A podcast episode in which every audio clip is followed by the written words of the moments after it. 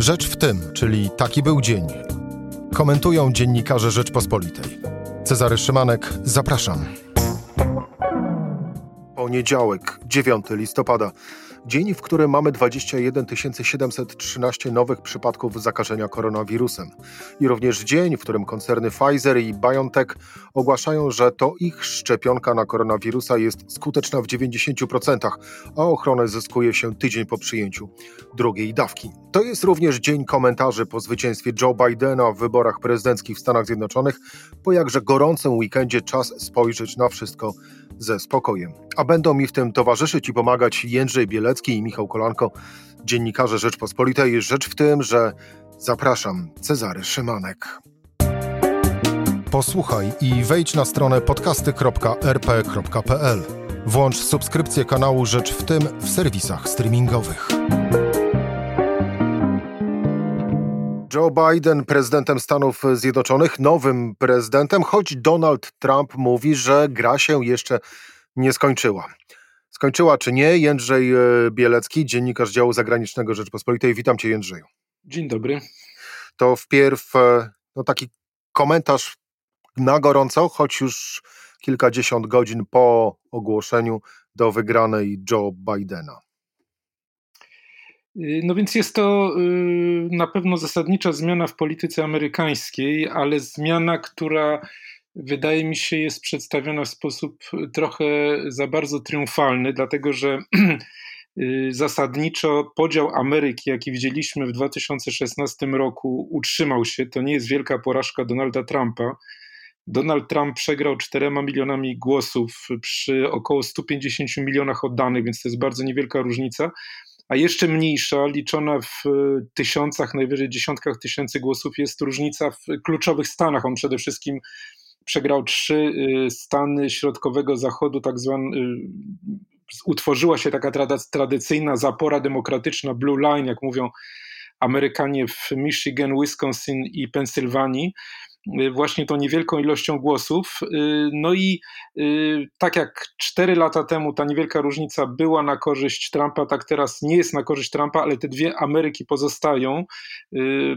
Dziedzictwo, jakie Trump pozostawia, ono będzie wciąż żywe.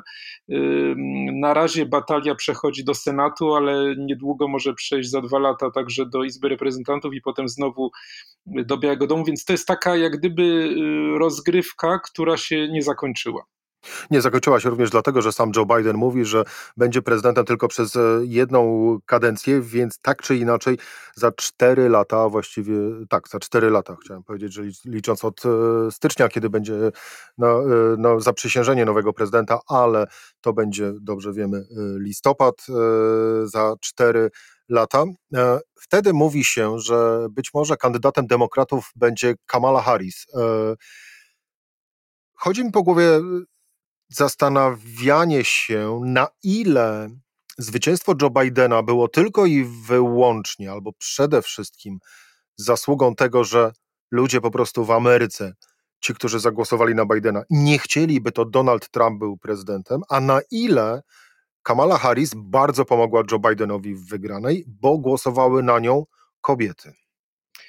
Y, no ja myślę, że tutaj kilka czynników się złożyło. Y, wydaje mi się, że jest uzasadnione pytanie, czy w ogóle Donald Trump by przegrał, y, gdyby ta szczepionka Pfizera została ogłoszona kilka tygodni wcześniej, gdyby nie było poczucia bezsilności i porażki w walce z COVID-em w Stanach Zjednoczonych. Przypomnijmy, że na początku roku on miał znakomite wyniki gospodarcze bardzo szybko kraj się rozwijał, bardzo niskie bezrobocie, wydawało się, że, y, że triumfuje.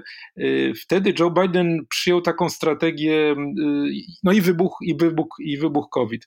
I wtedy Joe Biden przyjął taką strategię koncentrowania się właśnie na tej pandemii. To mu się udało. Przyjął także strategię pokazania, że on jest takim antytrumpem, czyli człowiekiem przewidywalnym, spokojnym, który nie wykonuje gwałtownych ruchów. No i to mu się udało. No ale właśnie takim rzutem na taśmę bardzo niewielką różnicą głosów. Czy Kamala Harris, czy ona by pociągnęła, czy ona miała duże znaczenie? No, wydaje mi się, że, że to jest bardzo ryzykowna teza. Można powiedzieć inaczej. Czy gdyby naprzeciwko Donalda Trumpa dzisiaj znowu stanęła Hillary Clinton, czy Donald Trump by przegrał? No, oczywiście trzeba by to prze, przetestować, ale wydaje mi się, że wcale niekoniecznie, dlatego że duża część Ameryki nadal nie jest gotowa na kobietę na czele na czele państwa, więc tutaj raczej ja bym nie powiedział, że, że, że to w jakiś sposób konkretny pomogło. Joe Biden prezydentem Stanów Zjednoczonych. Co to oznacza dla Polski? No, dla Polski to oznacza y, niekoniecznie złą zmianę. Powiedziałbym nawet, że dosyć pozytywną pod warunkiem, że obecny rząd y, będzie potrafił y, dostosować swoją politykę. To wcale nie jest ewidentne, to wcale nie jest oczywiste. Wiele błędów zostało w polityce zagranicznej od, od 2015 roku y, popełnionych. Y, ale dlaczego to może być korzystne dla Polski? No, z kilku powodów. Po pierwsze, Joe Biden stawia na multilateralizm, chce odbudować więź transatlantycką, chce odbudować znaczenie NATO a bezpieczeństwo Polski opiera się w znacznie większym stopniu na Sojuszu Atlantyckim, na tym, że trzeba bronić Polski, bo inaczej wiarygodność tego sojuszu pada, niż na dwustronnym układzie jaki próbował budować PiS z Donaldem Trumpem, y, dwustronnym układzie, który zawsze jest podatny na zmianę polityki amerykańskiej, na ten słynny deal z, z Rosją. Druga rzecz, która dla nas jest korzystna, to jest to, że y, Joe Biden wraca do tradycyjnej polityki Stanów Zjednoczonych popierania Unii Europejskiej, popierania integracji i przez to Polska nie będzie musiała w tej chwili y, już więcej stawać przed takim no, bardzo trudnym dylematem, czy wybierać między ojcem czy matką, przypominając słowa y, sprzed wielu lat Aleksandra Kwaszyńskiego, a więc czy między Unią Europejską a NATO. To był bardzo trudny dylemat, przed którym stawiał y, Polskę Donald y, Trump. Pozostają także kwestie gospodarcze. Tutaj ta współpraca dosyć dobrze się rozwija. Import gazu skroplonego LNG, rozwój energetyki jądrowej, sprzedaż broni. Na to wszystko będzie stawiał Joe Biden, dlatego że on wyciągnął wnioski też z tego, co się stało 4 lata temu, z tej klęski Hillary Clinton. Zrozumiał, że musi uwzględnić stanowisko no, tej, tej spauperyzowanej klasy średniej, która cierpiała z powodu globalizacji. On nie wróci do polityki takiego y, w handlu, będzie utrzymywał mm, pewien protekcjonizm, będzie utrzymywał y, dosyć mocno, dosyć twardą politykę wobec Chin. W związku z tym to, to y, no tutaj jak gdyby to, to, te, te, te parametry pozostaną. Wreszcie Chiny. No Polska podporządkowała się naciskom Stanów Zjednoczonych, jeśli chodzi o to starcie, na przykład gdy idzie o technologię internetową 5G. No i tutaj y, Biden na pewno to utrzyma y, i to będzie kłopot dla, dla tych głównych krajów Unii Europejskiej, Niemiec i Francji. No i może ostatni punkt to jest Nord Stream 2. Tutaj Biden kolejna rzecz też utrzymuje albo w zasadzie nawet umacnia tę, pozycję y, negatywną Stanów Zjednoczonych wobec tego projektu za chwilę podpisze y, bardzo poważne sankcje przeciwko firmom, które budują y, ten rurociąg. No i tutaj znowu jest Polska jest takim naturalnym sojusznikiem. Więc reasumując, w takich strategicznych y, punktach Polsce jest absolutnie po drodze z tym prezydentem pod warunkiem, że no, zmieni radykalnie y, swoje, swoje podejście y, do kwestii praworządności, do kwestii y, osób LGBT. To są rzeczy, które są istotne dla tego prezydenta i które mogą tutaj sporo namieszać. To teraz przejdźmy do e, obozu Donalda e, Trumpa. Jego sztab zapowiada strategię na najbliższe dni i tygodnie, organizowanie e, wieców z głównym motywem przewodnim, że wybory zostały quasi sfałszowane, e, jak również zapowiada e, batalie sądowe. Jak bardzo Donald Trump, Twoim zdaniem, nie odpuści? No, pytanie podstawowe jest takie, po co on to robi? To znaczy, czy to wynika z jego charakteru, że nie chce być luzerem, nie chce być przegranym, zawsze mówił, że pogardza takimi, którzy przegrywają, więc sam nie chce być w tej roli, czy też y, jest to już posunięcie pomyślane na przyszłość? Y, wydaje mi się, że w znacznym stopniu to jest ten drugi punkt. Chodzi o to, żeby pokazać, że te wybory no, nie były uczciwe, że tutaj są wątpliwości, y, podsycić te teorie spiskowe, no, z myślą o bardzo bliskich nawet już wyborach, mianowicie wyborach w Georgii. Chodzi o wybory w styczniu uzupełniające do Senatu. Wybory niesłychanie ważne, dlatego że będzie od nich zależy, czy republikanie stracą większość w Senacie, czy też nie. Jeżeli utrzymują, utrzymają tą większość dzięki właśnie wynikowi głosowania w Georgii, no to wtedy pole manewru Bidena, szczególnie w polityce wewnętrznej, będzie niesłychanie ograniczone, a to może być bardzo mocne taka mocna trampolina dla republikanów w wyborach za 4 lata. Trzeba powiedzieć jedną rzecz, otóż w 2016 roku Donald Trump y, przystępował do wyborów jako outsider. Pamiętamy, że ci główni kandydaci, tacy jak Jeb Bush, y, Mario Rubio czy, czy na przykład Ted Cruz, oni byli faworytami i tutaj nagle pojawił się taki człowiek z biznesu, który no, nie należał do, do aparatu partii republikańskiej i, i, i którym przeszkadzał. On się przebił, ale przez te cztery lata on całkowicie przebudował tą partię republikańską i teraz to jest machina trumpizmu, to jest machina, która mu służy. No i, i, i, i ta rozgrywka, która będzie się toczyła najpierw w Georgii, a potem za dwa lata w wyborach uzupełniających do kongresu i za cztery lata y, w wyborach prezydenckich, no jest już teraz szykowana i właśnie to, żeby pokazać, że coś tu jest nie tak z tymi wyborami, że jednak on tak naprawdę nie przegrał, to przemawia do, do wielu osób, które no nie wierzą mediom, które y, uważają, że tutaj jest jakiś spisek i on to podsyca. Ta narracja, którą Donald e, Trump w kontekście e, przeprowadzonych e, wyborów próbuje narzucać w dyskursie publicznym, to jest, no właśnie, to jest nowum w amerykańskiej polityce? Tak, no to nigdy czegoś takiego nie było, dlatego że to oczywiście podważa no, fundamentalne zasady amerykańskiej demokracji. No, przypominam, że w środę dwa dni przed ogłoszeniem y, oficjalnych wyników y, prezydent Trump mówił, że po pierwsze wygrał i wielokrotnie powtarzał to, po drugie mówił, żeby wstrzymać liczenie głosów, tych głosów korespondencyjnych, które przyszły już po y, terminie wyborów, także podważył na jakieś fundamenty zupełnie amerykańskiej demokracji, kraju, który jest no, niesłychanie podzielony etnicznie, dochodowo, pod wieloma względami, który opiera się na zgodzie co do tych podstawowych reguł, więc to jest coś bardzo niebezpiecznego, tym bardziej niebezpiecznego, że Stany Zjednoczone w tej chwili y, po raz pierwszy od y, czasów zimnej wojny stają y, w obliczu no, wyzwania, jakie rzucają Chiny, kraj, który uważa, że zbudował system skuteczniejszy, rozwija, który pozwala na szybszy rozwój gospodarczy, na lepsze rozwiązywanie takich kryzysów sanitarnych jak, jak obecna pandemia i, i, i Trump jak gdyby no, podważa no, no, te, te atuty Stanów Zjednoczonych jako takiego, takiego, taki wzór dla całego świata. Więc jest to y, rzecz bardzo niebezpieczna i na pewno żaden prezydent y, do tej pory czegoś takiego nie zrobił. Y, przypomnijmy, że Hillary Clinton natychmiast uznała swoją porażkę, chociaż przecież miała, miała mniej, znaczy uzyskała więcej głosów niż takich jak gdyby bezpośrednich głosów, a głosów elektorskich. Podobnie było przecież 20 lat temu, kiedy inny kandydat demokratów Al Gore uznał, że, że przegrał wybory w wyniku y, orzeczenia Sądu Najwyższego, chociaż tam była różnica 500 głosów na Florydzie, on jednak to uznał. Y, y, można by jeszcze sięgnąć dalej, prawda, i, i, i bardzo skuteczne prze, przekazanie władzy po dymisji prezydenta Richarda Nixona, więc wiele takich kryzysów było, było i żaden prezydent tak się nie zachował, jak w tej chwili Donald Trump. Być może, jak mówią niektórzy, Donald Trump czeka na y, ogłoszenie wyniku wyborów prezydenckich przez TVP Info, ale o tym będę rozmawiał za chwilę z Michałem Kolanko, a to była rozmowa z Jędrzejem Bieleckim, dziennikarzem działu zagranicznego Rzeczpospolitej. Jędrzej, bardzo Ci dziękuję. Dziękuję najmocniej. Rzecz w tym, że to jest podcast Rzeczpospolitej.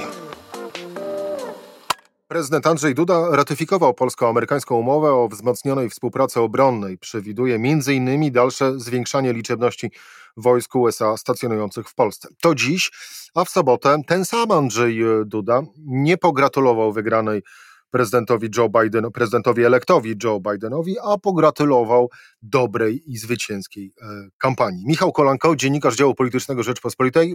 Dzień dobry, Michale. Dzień dobry, witam serdecznie. Przenieśmy się w czasie y, do owego sobotniego wieczora.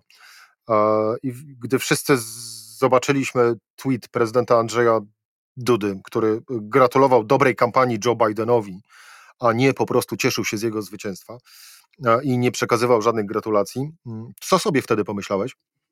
Pomyślałem sobie, że to jest e, dosyć zastanawiające.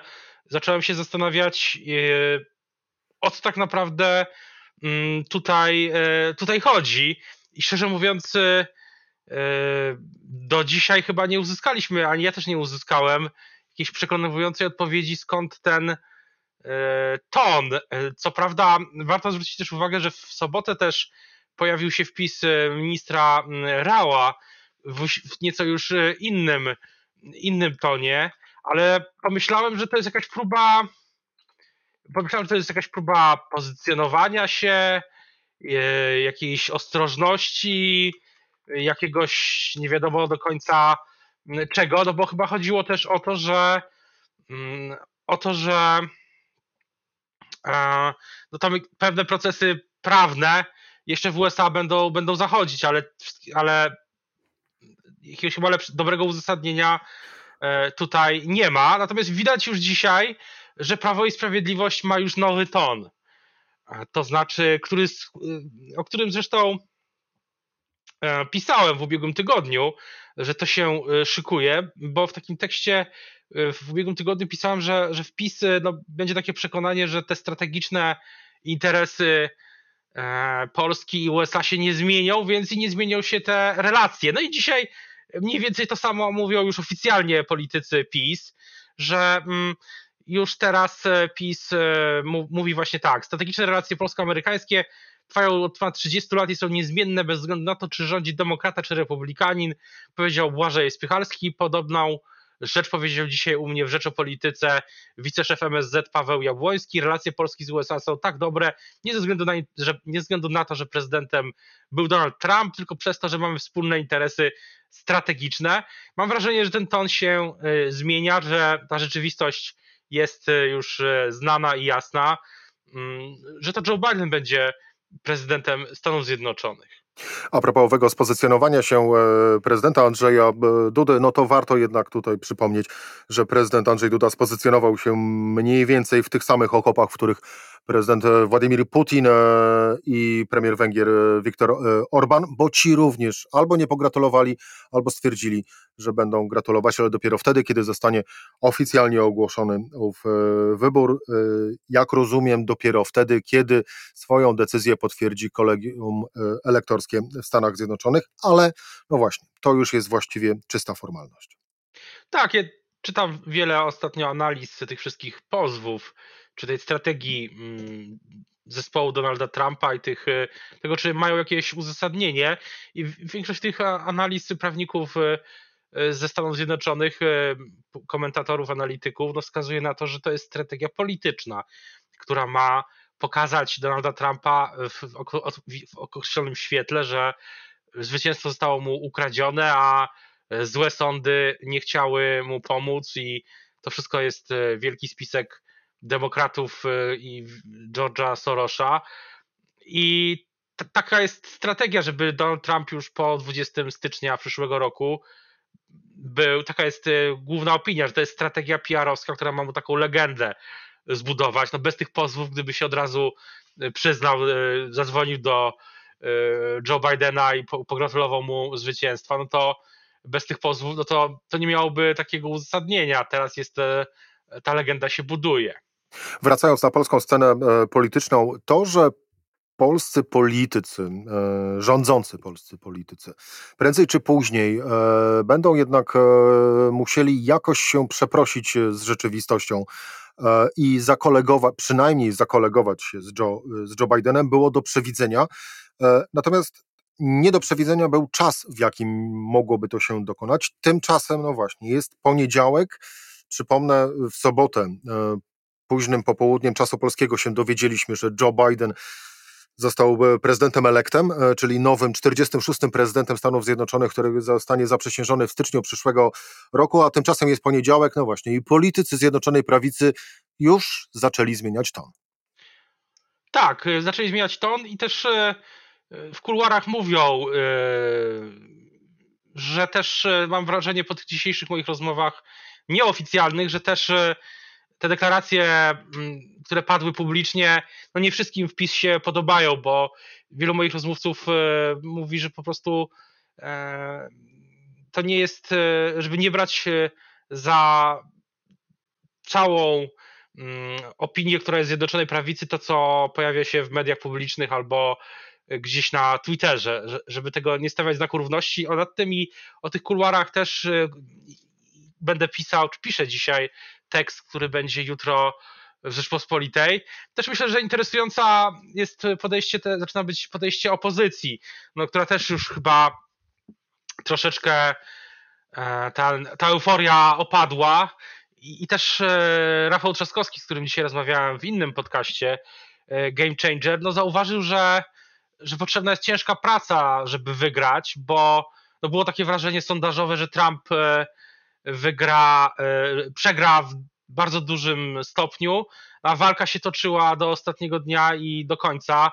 I trzeba było dobrej organizacji, na przykład w Georgii, żeby zdobyć tam przewagę, więc wydaje mi się, że opozycja, ta, opozycja, e, opozycja się też ta, powiedzmy taka, nie chcę użyć tu jakiegoś takiego niedyplomatycznego słowa, ale taka, trochę taka przesadna euforia, no też dzisiaj mam wrażenie, że już e, już jej nie ma i te słowa Rafała Trzaskowskiego, e, że trzeba walczyć, a nie po prostu liczyć na to, że mm, PiS osłabnie i wtedy się przejmie władzę, tak jak nie można się liczyć na to, nie mogli na liczyć demokraci, że Trump po prostu osłabnie, e, no to są bardzo chyba znaczące. To mm, rozmawiałem właśnie dzisiaj z Rafałem Trzaskowskim o tym, co, co dalej.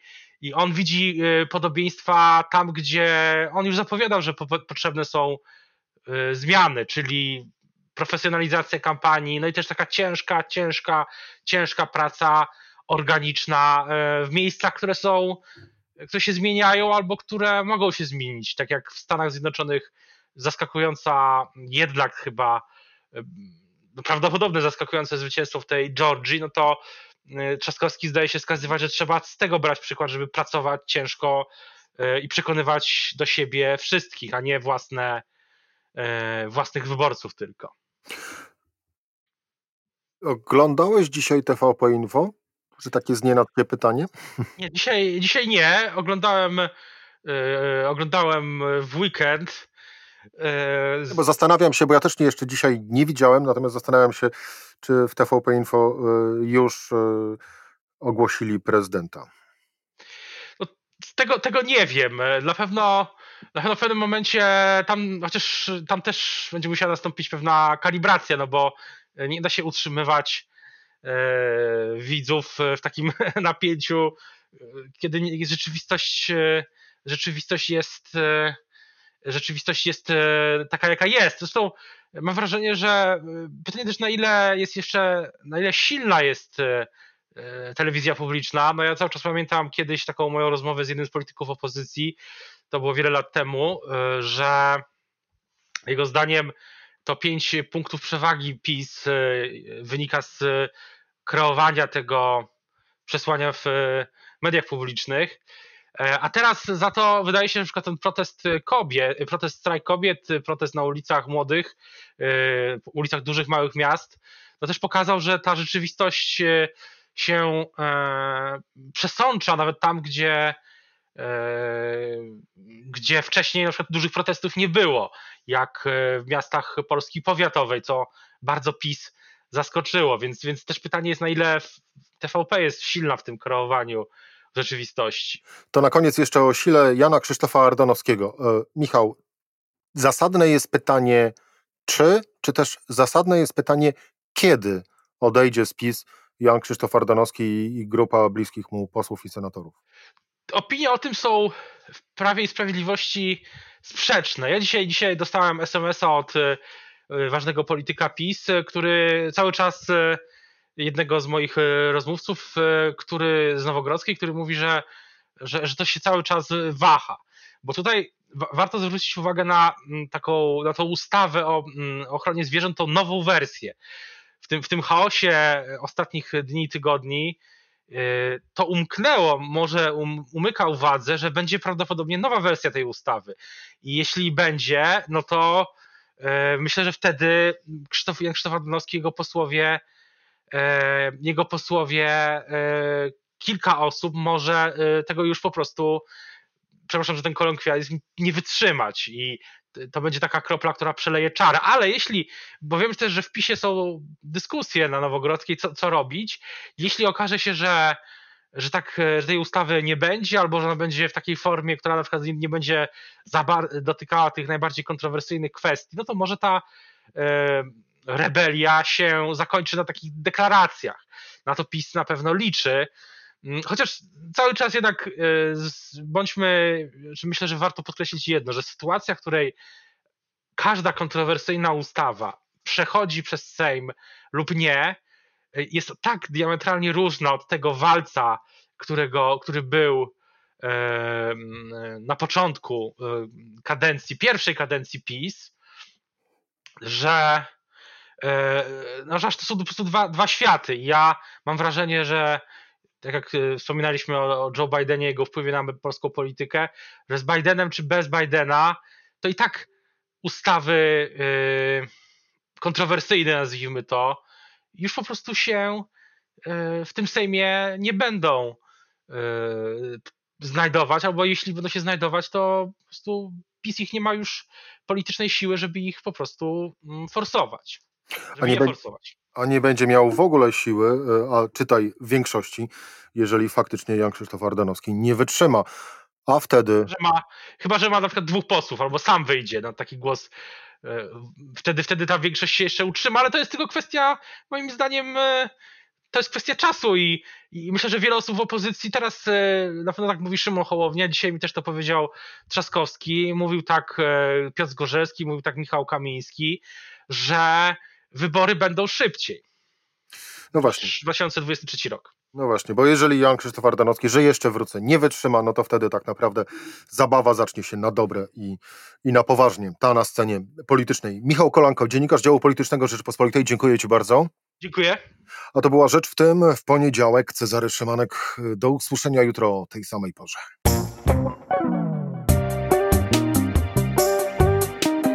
Rzecz w tym to codzienny program Rzeczpospolitej. Od poniedziałku do czwartku o godzinie 17. Wejdź na stronę podcasty.rp.pl, włącz subskrypcję kanału Rzecz w tym w serwisach streamingowych. Cezary Szymanek, zapraszam.